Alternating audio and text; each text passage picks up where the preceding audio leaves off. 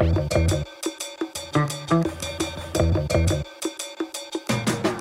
Zou u het oké vinden om een deel van de renovatiewerken aan uw huis in het zwart te laten doen of op restaurant een stukje cash te betalen, zodat het niet mee op het btw-bonnetje hoeft? Volgens de grote belastingenquête vindt bijna 1 op de 3 Vlamingen dat een klein beetje fiscaal gesjoemel wel moet kunnen. Is zwart werk een typisch Belgische sport? Welke achterpoortjes in onze wetgeving maken de weg vrij voor misbruik? En waarom wordt fraude zo weinig bestraft in ons land? Mijn naam is Dries Vermeulen, dit is duidelijk.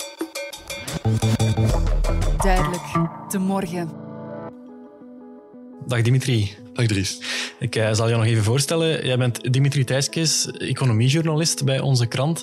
Je hebt uh, deze week in de morgen een reeks gemaakt getiteld De Grote Belastingenquête. Wat houdt die enquête precies in? Wel, wat wij gedaan hebben in samenwerking met uh, iVox is duizend Vlamingen ondervraagd over de belastingen, het systeem van de belastingen, wat zij ervan vinden, of zij het rechtvaardig vinden of niet. Um, het was een online enquête die wij hebben uitgevoerd. Mm -hmm. Wat wij vooral wilden naar peilen is van in hoeverre willen mensen frauderen of voelen, voelen ze niet de aandrang om, uh, om, of voelen ze de aandrang om te frauderen? En anderzijds hebben we ook gepeild naar hun fiscale kennis. Wat weten ze eigenlijk van hun belastingbrief? Wat weten ze van die categorieën die erop staan? Al die verschillende dingen, al die verschillende uh, uh, uitzonderingsregimes, in hoeverre kennen zij die? En uh, we hebben ook gepeild naar de hervormingen, dus in hoeverre dat zij vinden dat bepaalde dingen meer of minder belast moeten worden. Dat waren eigenlijk de drie grote categorieën die we bevraagd hebben. Die bereidheid om te frauderen of om belastingen te ontwijken, ik zag dat was bijna één op de drie had daar niet echt heel veel problemen mee. Is dat een, verrassend cijfer? Ja, voor ons wel. Um, 32% gaf inderdaad aan dat ze het eerder uh, te verantwoorden vonden of helemaal te verantwoorden vonden om te frauderen om belastingen te ontwijken. En ja, inderdaad, dus één op de drie is toch enorm veel mensen die er toch aan denken om uh, eigenlijk iets te doen wat illegaal is. Dat verbazen ons echt enorm, ja. En zeker um, als we dan concrete gevallen voorschotelden, bleek het nog hoger te liggen. Dus uh, inderdaad, uh, het viel wel op. En die concrete gevallen, waarover spreken we dan? Gaat dat dan over echt grote fraude of over kleine dingen?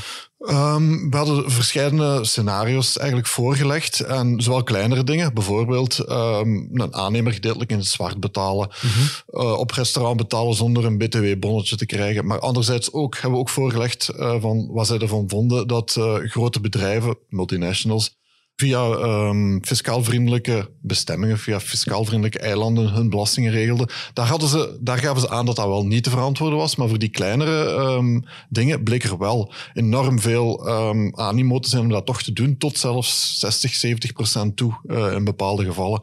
Dus dat, dat is toch enorm, zeker als we dan inderdaad naar concrete gevallen, kleinere gevallen kijken. Ja, wat mij opviel in die enquête was dat er een onderscheid werd gemaakt tussen belastingontwijking en belastingontduiking. Het was voor mij ook niet altijd, of ik wist zelf niet altijd wat bij het ene hoorde en wat bij het andere. Het is niet altijd illegaal, hè? Nee, het is over het algemeen zo. Belastingontwijking, dat is eigenlijk uh, bepaalde structuren opzetten om zo weinig mogelijk belastingen te betalen maar die wel nog legaal zijn. Bijvoorbeeld een dokter die een vennootschap opricht om dan minder belastingen te moeten betalen en dan niet in de personenbelasting te doen. Ja. Um, aan de andere kant is er dan belastingontduiking. Dat is echt illegaal. Dus dat is als men dingen doet die, die in de strafwet staan en die niet mogen. Zoals bijvoorbeeld, wat ik net, bijvoorbeeld ik net aangeef, is een gedeelte in het zwart betalen aan een aannemer. Uh, mm -hmm. Dat soort dingen, dat zijn uh, illegale dingen en dat is belastingontduiking die bestraft kan worden. Ja, en dus bijna één op de drie uh, van de respondenten vindt het niet zo heel erg om af en toe creatief om te springen met die fiscale wetgeving. Is dat veel in vergelijking met andere landen? Wel, dat is moeilijk te vergelijken, omdat er heel weinig onderzoek naar gebeurd is. Het enige wat er wel um, is, is er elk jaar wordt er een studie gemaakt van de zwarte economie, zoals dat heet. Dus dat is een inschatting van hoe groot is de zwarte economie in de verschillende Europese landen. Ja. En daaruit blijkt dat België toch bovenaan staat met 15% van het bruto nationaal product. Op dezelfde hoogte uh, als landen zoals Spanje, Italië, dus eigenlijk de Zuiderse landen. Mm-hmm. Dat valt inderdaad wel op. Dus er is wel een vermoeden dat, het hier, of dat hier de bereidheid tot fraude groter is dan in andere landen. Maar heel concreet kunnen we dat niet staven op basis van onderzoek. We hebben het daar ook over gehad met uh, Michel Maus. Die is professor fiscaal recht aan de VUB. Die was ook wetenschappelijk adviseur bij deze enquête. Wat die zwarte economie betreft, daar zegt hij over... Eigenlijk bijna elke Belg is daar, of je het nu wil of niet, daar op een of andere manier wel bij betrokken. Een simpel voorbeeld, als je, een, zoals elke klassieke Belg die een renovatieproject heeft, drie aannemers laat komen om een offerte te maken, in zeer veel gevallen kun je er eigenlijk al van uitgaan dat de goedkoopste offerte alleen maar kan omdat er een aantal zaken niet helemaal correct zijn. En als je dan zegt, ja, ik, heb, ik doe alles hypercorrect, dus ik vraag een factuur aan mijn aannemer, maar je neemt de goedkoopste aannemer, dan is de kans reëel dat je toch een, systeem gaat in stand houden waar er ook zaken niet, niet kloppen intern bij die aannemer. En daar gaan we toch nog een paar stappen voor moeten, moeten zetten, die uh, een totaal andere manier van redeneren moeten, uh, moeten, moeten opbouwen dan wat nu het geval is. Ja, Michel Maus heeft het hier over aannemers. Jij vermeldde die daarnet ook al. De perceptie is inderdaad wel zo'n beetje dat het meeste zwartwerk te vinden is in die bouwsector en in de horecasector ook. Klopt dat ook? Ja, inderdaad. Daar, um, dat blijkt inderdaad het meest fraudegevoelig te zijn, die beide sectoren. Um, de reden daarvoor is eigenlijk omdat dat soms heel moeilijk te controleren is. Nu heeft men wel die, die witte kassa's in de horeca ingevoerd, waardoor het al wat beter is. Maar bijvoorbeeld uh, op, op een bouwwerf is het heel moeilijk te controleren van hoeveel uh, werknemers zijn daarmee precies aan de slag. Dus uh, op die manier is daar wel gemakkelijk mee te sjoemelen en gebeurt dat ook. -hmm. Is dat iets dat ook in andere landen gebeurt of is dat ook weer typisch Belgisch? Zo'n dingen gebeuren natuurlijk ook in andere landen, hè, in, die, in die kleinere sectoren. Maar opnieuw, het is moeilijk om te vergelijken, omdat er weinig onderzoek naar is. Uh, we hebben wel de indruk, als we ook uh, professoren en, en onderzoekers uh, on, gevraagd hebben naar, uh, of ook gevraagd hebben wat zij daarvan dachten, dat dat toch een Belgische ziekte is, dat België daar toch wel enorm open voor staat, voor dat soort constructies. Mm -hmm. Vooral ook omdat het verschil tussen, omdat de belastingen hier zo hoog liggen. En dus het verschil tussen iets in het zwart doen of iets officieel doen is enorm groot. Vandaar dat, dat daar de bereidheid om, uh, om dat soort dingen te doen, dat die hier groter is. Ja, ook wat die restaurants betreft. Ik denk dat iedereen hier in Vlaanderen dat, dat fenomeen wel kent. Hè. Je betaalt een klein stukje mm. in, het, in, het, in het zwart als je zelfstandige bent, zodat het niet op dat btw-bonnetje hoeft. Of je, je, je gaat met familie op restaurant en je brengt dat in als een bedrijfsetentje. Die dingen gebeuren, hè? Ja, klopt. En ik denk, ja, uh, veel mensen staan daar ook niet meer bij stil dat het eigenlijk fraude is hè, op zich. Hè. Dus als men gewoon uh, op restaurant betaalt zonder dat men daar een btw-bonnetje voor krijgt, ja, eigenlijk is het inderdaad, uh, kan het een zwarte betaling zijn. Maar daar staan we gewoon niet bij stil, omdat het zo alledaagse dingen zijn die zo ingeburgerd zijn bij ons, dat, mm -hmm ja, zoals ik zeg, dat, dat het zo dat het bijna onvermijdelijk is geworden voor, voor sommigen. Is daar een verklaring voor dat dat zo in onze cultuur eigenlijk ingebakken zit? Nee, ik, ik, denk dat dat vooral ligt aan het feit dat de belastingen uh, zo hoog zijn. En mm -hmm. dus als men dan iets in het zwart kan doen, dan betaalt men soms 50% minder. Hè, en dan gaat men daar toch wel sneller over nadenken dan als de belastingen hier minder hoog zouden liggen. Dus ik denk dat dat eh, de belangrijkste verklaring is. Maar het is, het is wel vreemd, omdat um, het is wat de Zuiderse mentaliteit die we hebben op dat vlak. Hè. Dus in, in, in Spanje, wat ik net zeg, de zwarte economie in Spanje, Italië, Griekenland ligt ongeveer op hetzelfde niveau als in België. Ja. Dus het is, het, is een, een, een, een vreemd, het is wel vreemd. Dus uh, om daar een, precies een verklaring voor te geven is moeilijk. Wat we wel geconstateerd hebben, is dat de bereidheid tot fraude, dat die bij jongeren hoger ligt dan bij ouderen. We hadden eigenlijk misschien het omgekeerde verwachten, ah, dat men stilaan... Uh, toch zou doorhebben dat dat eigenlijk niet kan, die fraude.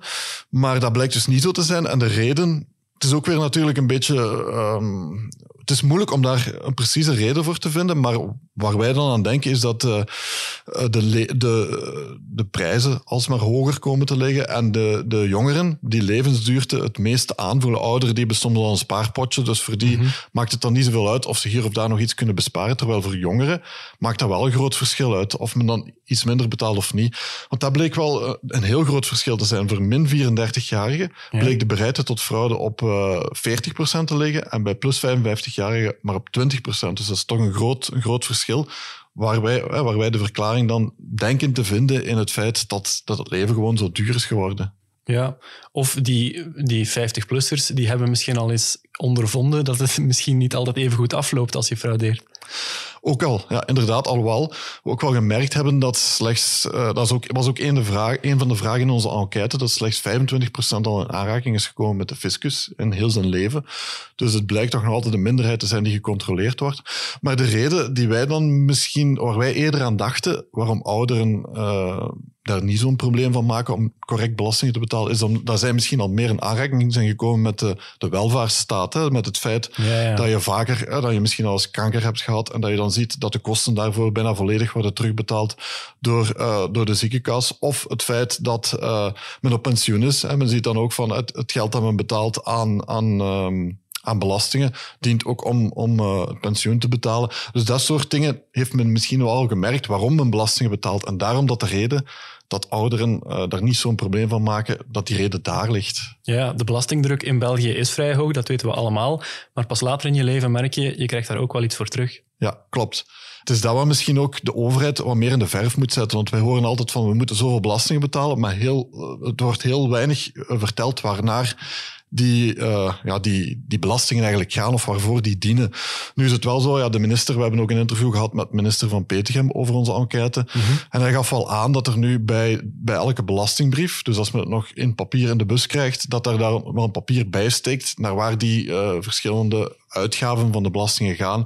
Maar ik weet niet of jij dat al hebt gemerkt of zo, of jij daar naar gekeken hebt. Maar heel veel mensen. niet, nee. dat bedoel ik dus. dus. Er wordt te weinig aandacht aan gegeven. Want hè, voor, voor hen is het dan van, ja, we doen het toch al iets. Maar ik denk dat dat meer in de verf moet zetten van. Het, is niet, het geld wat wij betalen aan de belastingen verdwijnt niet in een put, maar dient voor, eh, voor bijvoorbeeld uh, het onderhoud van de wegen, voor het onderwijs, voor de pensioenen, voor heel veel dingen waarvan wij ook profiteren natuurlijk.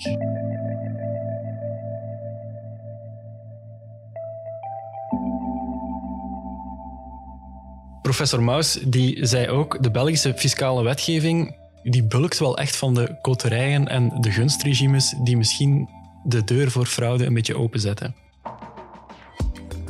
Als je aan één lobbygroep een uitzondering toekent, dan staat de dag nadien de volgende lobbygroep natuurlijk ook klaar met een eisenpakket. En zo ga je natuurlijk een systeem opbouwen van koterij boven, bovenop koterij. En ja, dat zorgt ervoor dat we nu de situatie hebben zoals die de dag, de dag van vandaag bestaat. En wat ook wel opvallend is op dat vlak, ik denk dat het uh, bijvoorbeeld het, het, voetbalverhaal daar een, een, mooi voorbeeld van is, is dat die koterijen of die gunstregimes worden ingevoerd zonder dat men daar meestal uh, ook een, een, tijdslimiet op plaatst. Wat mij betreft zou men dat voor elk gunstregime moeten doen, daar een, een, een periodieke timing op plaatsen, zodanig dat je om de vier, vijf jaar eigenlijk verplicht wordt om het systeem te gaan herevalueren. Um, zodanig dat de, de zaken niet uh, uit de bocht gaan en, en, en eigenlijk uh, niet vaste gevolgen krijgen.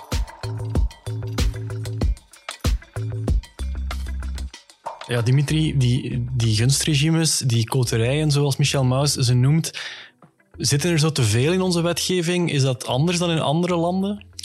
Um, in de Belgische wetgeving zitten daar inderdaad heel veel, of in de Belgische belastingregeling zitten inderdaad heel veel uitzonderingsregimes. Om maar een, een idee te geven, er staan nog tussen 829 verschillende codes in de belastingbrief die ze dus moeten invullen. Dat, dat duidt er dus al op dat er enorm veel zijn. Mm -hmm. En dat is inderdaad wel... Uh, België heeft een van de meest complexe systemen van, van Europa, belastingssystemen. Dus er zijn veel uitzonderingen, uitzonderingen op uitzonderingen. Hè? Dus men krijgt een huis met heel veel bijgebouwen eigenlijk ondertussen. Ja. Er zijn fietsvergoedingen, um, giften die fiscaal aftrekbaar zijn, maaltijdchecks, dienstenchecks, PWA-checks, noem maar op. Er zijn heel veel verschillende um, regelingen ingevoerd in de loop der tijden omwille van het feit dat de, de, algemene belastingdruk hier zo hoog ligt. Dus probeert men dan voor bepaalde groepen toch de belastingdruk wat te verlagen. Maar natuurlijk leidt dat ertoe dat het ondertussen zo onoverzichtelijk is geworden dat, het, uh, ja, dat een kat daar haar jongen niet meer in terugvindt. Ja, en uh, Michel Maus, hij noemde zelf onder andere de voetbalsector. Ja, hij zegt die gunstregimes die kunnen tijdelijk hun nut hebben, maar ik kan me wel voorstellen dat veel mensen zich afvragen, een sector als het voetbal, waar zoveel geld in omgaat, hebben die dat echt nodig, een gunstregime? Wel, dat is nu net een goed voorbeeld van wat Michel Maus aangeeft. Van, het kan in het begin wel um, correct zijn om zo'n gunstregime in te voeren. Want bijvoorbeeld, om het voorbeeld van het voetbal te gebruiken, zij betalen heel weinig RSZ, dus sociale zekerheid. En ook uh, hebben zij een speciaal belastingregime. Maar het RSZ-regime is ingevoerd in de jaren 70, toen de lonen laag lagen in het wielrennen en in het voetbal. En om hen toch een zekere bescherming te geven, zijn zij dan, um, zijn zij dan zo, hebben zij dan dat gunstregime gekregen. Maar ondertussen zijn die lonen zo fors gestegen. Een gemiddeld uh, voetballersloon in eerste klasse is 350.000 euro per jaar. -hmm dat dat inderdaad niet meer te rechtvaardigen is. Dat zij maar 1000 euro per, uh, per maand RSZ betalen bijvoorbeeld. Of dat, zij, dat de clubs 80% van de belastingen niet moeten doorstorten naar de fiscus. Dus het, het was in het begin een goed regime, misschien rechtvaardig ook, maar men had dat misschien inderdaad in het begin al om de vijf jaar moeten evalueren. En dan had men kunnen zien dat het ondertussen geëxplodeerd is. Het kost de overheid ondertussen 200 miljoen euro per jaar hè, voor, voor uh, het Belgisch profvoetbal. Dat is natuurlijk veel te duur, terwijl in het begin kostte dat maar 10 miljoen euro aan de staat. Dat is te verantwoorden, maar uh, dat is een goed, uh, een goed argument, uh, of nog eens een argument om aan te tonen dat die regimes, die uitzonderingsregimes, uitzonderingen moeten blijven en dat je die uh, continu moet evalueren. En als ze niet meer voldoen, moeten ze dan maar gewoon afgeschaft worden. Ja, en ik denk ook als voetballers die zoveel geld verdienen, maar zo weinig RSZ betalen bijvoorbeeld, ja, dat, dat de gewone man zeg maar, dan denkt ik laat mijn keuken voor een stukje in het zwart betalen, mhm. dat is dan toch het grote probleem ook niet. Is die, die redenering, die, die zit er misschien ook wel heel erg in hè, bij de Belgen? Ja, absoluut. Uh, als men zelf, men heeft vaak, dat blijkt ook uit, um, uit de vraag die we gesteld hadden rond de rechtvaardigheid van het fiscaal systeem. Dus in hoeverre vinden ze het fiscaal systeem rechtvaardig? 55% gaf aan dat ze het niet rechtvaardig vonden. En de belangrijkste redenen waren daarvan um, dat de kloof tussen arm en rijk, dus de, de rijken die altijd wel kunnen ontsnappen via allerlei sluiproutes, veel, uh, veel te bevoordeeld worden ten opzichte van de mensen die minder verdienen. Mm -hmm. En ja, die onrechtvaardigheid, dus als je systeem onrechtvaardig is, ga je natuurlijk mensen zijn, of gaan er mensen zijn die zeggen, ja, zo'n klein beetje fraude is dan ook niet zo erg.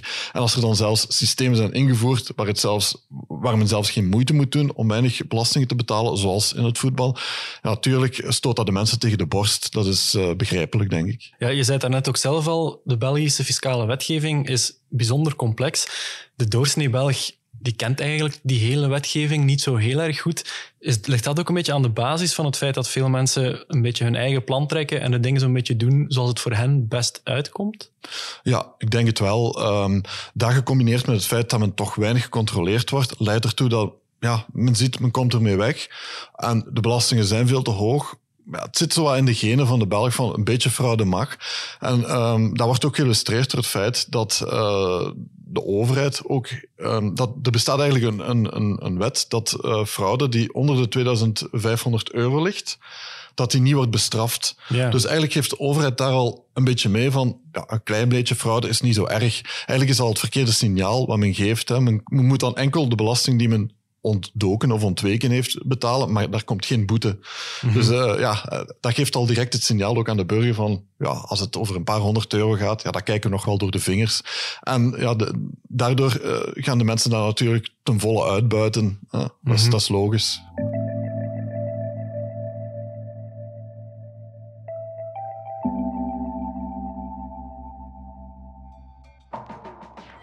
Als we internationaal bekijken, dan moeten we toch vaststellen dat fiscale fraude in het buitenland toch wel vaak veel strenger bestraft wordt dan wat bij ons het geval is. Uh, als je puur de vraag stelt, ik heb dat uh, vorig jaar eens gedaan, met een van jullie collega's van KNAK de vraag gesteld hoeveel mensen er momenteel in de Belgische gevangenis uh, zitten en die veroordeeld zijn voor fiscale fraude. Ja, dat bleek niemand, niemand te zijn. Um, en ja, in het buitenland is dat toch, toch iets anders. een paar gekende voorbeelden. de onlangs overleden Franse zakenman Bernard Tapie heeft in de gevangenis uh, gezeten voor fiscale fraude. Uh, Bayern München, voorzitter uh, Ule Heunis, idem dito in Duitsland. En in Amerika de, de acteur Wesley Snipes. zijn allemaal mensen die toch geruime tijd in de gevangenis hebben doorgebracht voor fiscale fraude. Ja, bij, ons, bij ons is dat, is dat niet, het, niet het geval.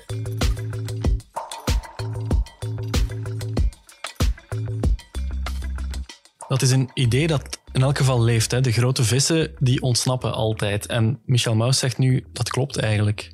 Ja, dat klopt helemaal. Dus in België wordt uh, fiscale fraude bijna nooit of zelden voor de rechtbank gebracht. Slechts in, in 5% van de gevallen komt er een rechtszaak. Meestal worden er minderlijke schikkingen getroffen door het gerecht of door de fiscus zelf. Mm -hmm. Uh, waardoor natuurlijk uh, men zijn straf een beetje kan afkopen, om het zo te zeggen, om het een beetje populistisch te zeggen, maar daar komt het eigenlijk wel op neer. Dus uh, die indruk klopt wel. Met zo'n minderlijke schikking, straf afkopen, ja, zeker die superrijken, die, die de grootste fraude plegen van iedereen, ja, je straft die daar eigenlijk niet mee. Hè? Nee, nee, absoluut niet.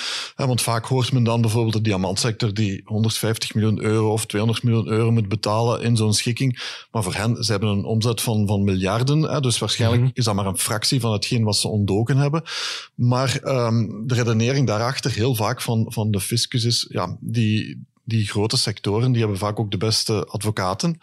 En uh, ja, die vertragen, of die doen heel veel vertragingsmanoeuvres, die gaan op zoek naar procedurefouten. Dus vaak uh, denkt de administratie, de fiscus dan, van het is misschien beter dat we zo snel mogelijk iets binnenhalen, mhm. als dat jarenlang aansleept en dat we uiteindelijk erop uitdragen dat het verjaard is of dat er uh, procedurefouten zijn waardoor er geen zaak van komt. Maar eigenlijk zou men, het, moet men dan eigenlijk veel meer inzet of veel meer personeel aannemen om die grote zaken aan te pakken en daar meer, veel meer specialisten ook, ook in, in huis nemen om te vermijden dat het leidt tot procedurefouten of tot verjaring. Zit daar het probleem? We hebben eigenlijk gewoon niet de mensen en de middelen om die grote fraudeurs uh, afdoende te vervolgen? Ja, ik denk het wel. Ik denk dat men daar uh, heel weinig op inzet. Uh, heel vaak wordt er bespaard tegenwoordig op, op de overheid of overheidsuitgaven. Ook het aantal um, controleurs of, of mensen die in dienst zijn bij de administratie financiën is ook van 25.000 naar 20.000 uh, uh, gezakt eigenlijk. Terwijl ja, uit, studies blijkt dat die controleurs hun geld meer dan waard zijn. Die halen eigenlijk meer op dan dat ze eigenlijk kosten. Zeker de, de mensen bij de BBI, dat is de bijzondere belastinginspectie, die de grote zaken aanpakken. Daaruit blijkt dat die zelfs honderdduizenden euro's per personeelslid opbrengen. Ja, dus dat die de, de overheid honderdduizend euro's per, per eh, kop opbrengen, ja, dan, dan zou je eigenlijk de redenering moeten zijn, we kunnen beter wat meer van die mensen in dienst nemen, die grote zaken aanpakken en er dan ook echt tot in de rechtbank mee gaan, zodat we eh, in plaats van 100 miljoen euro misschien een miljard euro ophalen. Ik denk inderdaad dat dat, uh, dat, dat, dat de juiste reflex zou zijn. We hebben het over de grote vissen gehad. Je zei het net zelf al, aan de, aan de andere kant van het spectrum, de, de heel kleinschalige fraude, die wordt gewoon niet bestraft. -hmm. Ja, bijvoorbeeld als men nu 2000 euro in het zwart heeft betaald ergens, dan moet je wel de achterstallige belasting uh, betalen, maar daar is geen straf voor. Dus, terwijl bij andere uh, gevallen is het tot 300% dat men moet betalen als, als straf. Dus als men bijvoorbeeld uh, 10.000 euro in het zwart betaald heeft, kan het goed zijn dat men een boete krijgt van 30.000 euro. Maar als men minder dan 2500 euro in het zwart of, of dat men gefraudeerd heeft, dan wordt dat inderdaad een beetje door de vingers gezien. Dus eigenlijk zou men, ja, eigenlijk is dat ook niet correct, want dan geeft men het verkeerde signaal. En, mm -hmm. en ook dat gecombineerd, wat ik ook al aangaf, de, de weinige controles, dat zorgt ervoor dat, er zo wat, eh, dat men voelt van dat er zo een gevoel van straffeloosheid is. En dat moet men toch proberen te vermijden, zelfs voor, uh, voor kleine fraude. Is dat iets dat in onze buurlanden bijvoorbeeld ook bestaat? Dat zo kleinere fraude eh, eigenlijk door de vingers wordt gezien? Um, nee, nee, want uh, ja, ik denk dat, dat het daar ook veel minder voorkomt. Maar opnieuw, daar is, um, daar is niet zoveel onderzoek naar hè, of, of er veel gefraudeerd wordt. Maar um, dat, wordt, dat wordt er in ieder geval niet door de vingers gezien. Nee, dat is, ja, dat is wel zoiets typisch, typisch Belgisch ook weer, omdat het, de belastingdruk ligt te hoog. Dus de politiek voert allerlei achterpoortjes in voor de mensen dat, dat de belastingdruk toch wel lager wordt. Terwijl men eigenlijk gewoon zou moeten zeggen, we gaan alle fraude bestraffen, we gaan alle voorkeurregimes of zoveel mogelijk afschaffen en we gaan gewoon het algemeen belastingtarief verlagen, bijvoorbeeld van 50 naar 40 procent. Ik zeg maar iets. Hè. Dat zou veel efficiënter zijn als al die achterpoortjes die er bestaan, want dat zijn toch alleen maar degene, eh, mensen die het dan wel uh, correct doen, mm -hmm. die worden eigenlijk bestraft op die manier. Dus dat is ook niet correct. Mm -hmm. Maar om alle fraude te kunnen bestraffen, zal er dus ook veel meer gecontroleerd moeten worden. Dat is, dat is één gedeelte van, van, van de puzzel, om het zo te zeggen, of één stukje. Maar een belangrijk stukje is ook wel de preventie. Dus we moeten op voorhand de mensen inlichten van wat zijn precies de regels en wat zijn de straffen. Zodat men duidelijk op voorhand weet van fraude is eigenlijk fout. Oké. Okay. Dimitri Thijskes, dankjewel. Graag gedaan. U, beste luisteraar, bedank ik natuurlijk ook om erbij te zijn. Vergeet trouwens niet dat u deze podcast ook altijd kan volgen via uw favoriete podcast-app. Of dat nu Spotify, Apple Podcasts of Google Podcasts is. Als u zich daar abonneert, dan mist u geen enkele aflevering. En als u uitzonderlijk goed gemutst bent, dan mag u natuurlijk ook altijd een positieve review achterlaten. Daar doet u ons een heel groot plezier mee. En dan verwelkom ik u heel graag volgende week donderdag terug voor een nieuwe aflevering. Dit was duidelijk.